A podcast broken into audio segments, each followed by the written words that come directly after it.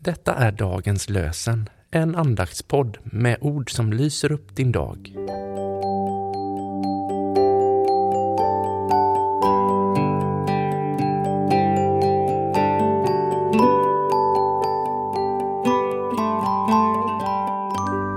Det är måndagen den 14 augusti och dagens lösenord kommer ur Ordspråksbokens 31 kapitel, vers 8.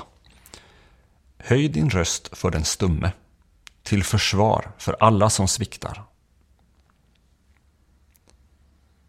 Höj din röst för den stumme, till försvar för alla som sviktar.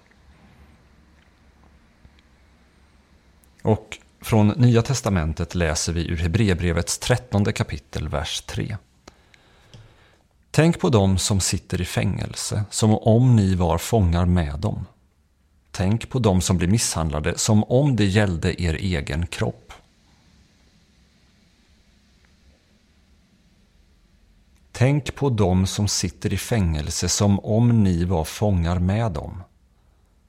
Tänk på dem som blir misshandlade som om det gällde er egen kropp. Birgit Karlsson skriver Orättfärdigheten får aldrig lämna oss oberörda. Ondskan aldrig sluta göra ont. Berörda och i smärta formar vi böner om barmhärtighet och rätt.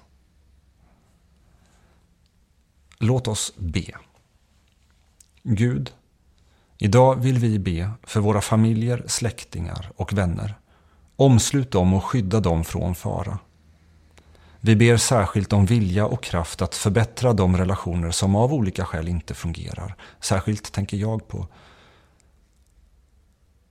Väck hos oss alla en längtan efter att leva nära dig. Hjälp oss att på våra arbetsplatser få vittna om dig Ge oss kraft att möta de prövningar och frestelser som kommer i vår väg. Vi ber för alla barn och ungdomar och för dem som undervisar och vägleder dem i skolan, i församlingsverksamheten och i fritidsaktiviteter.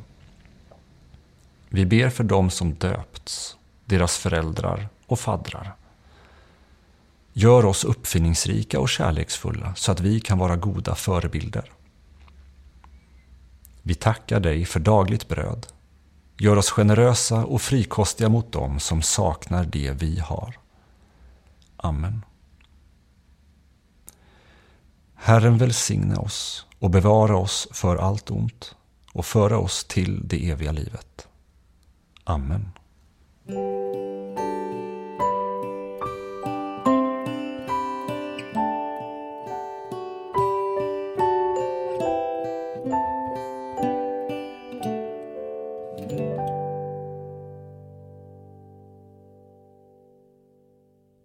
Dagens lösenpodden produceras av Evangeliska Brödraförsamlingen i Sverige i samarbete med Libris förlag och Svenska Bibelsällskapet.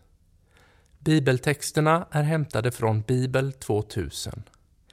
Stötta gärna vår podd genom att gå in på hemsidan dagenspodd.se. Där finns information om oss som medverkar och alla episoder finns att ladda hem där. Du kan också lämna ett ekonomiskt bidrag till poddens framtid, vilket vi vore väldigt tacksamma för.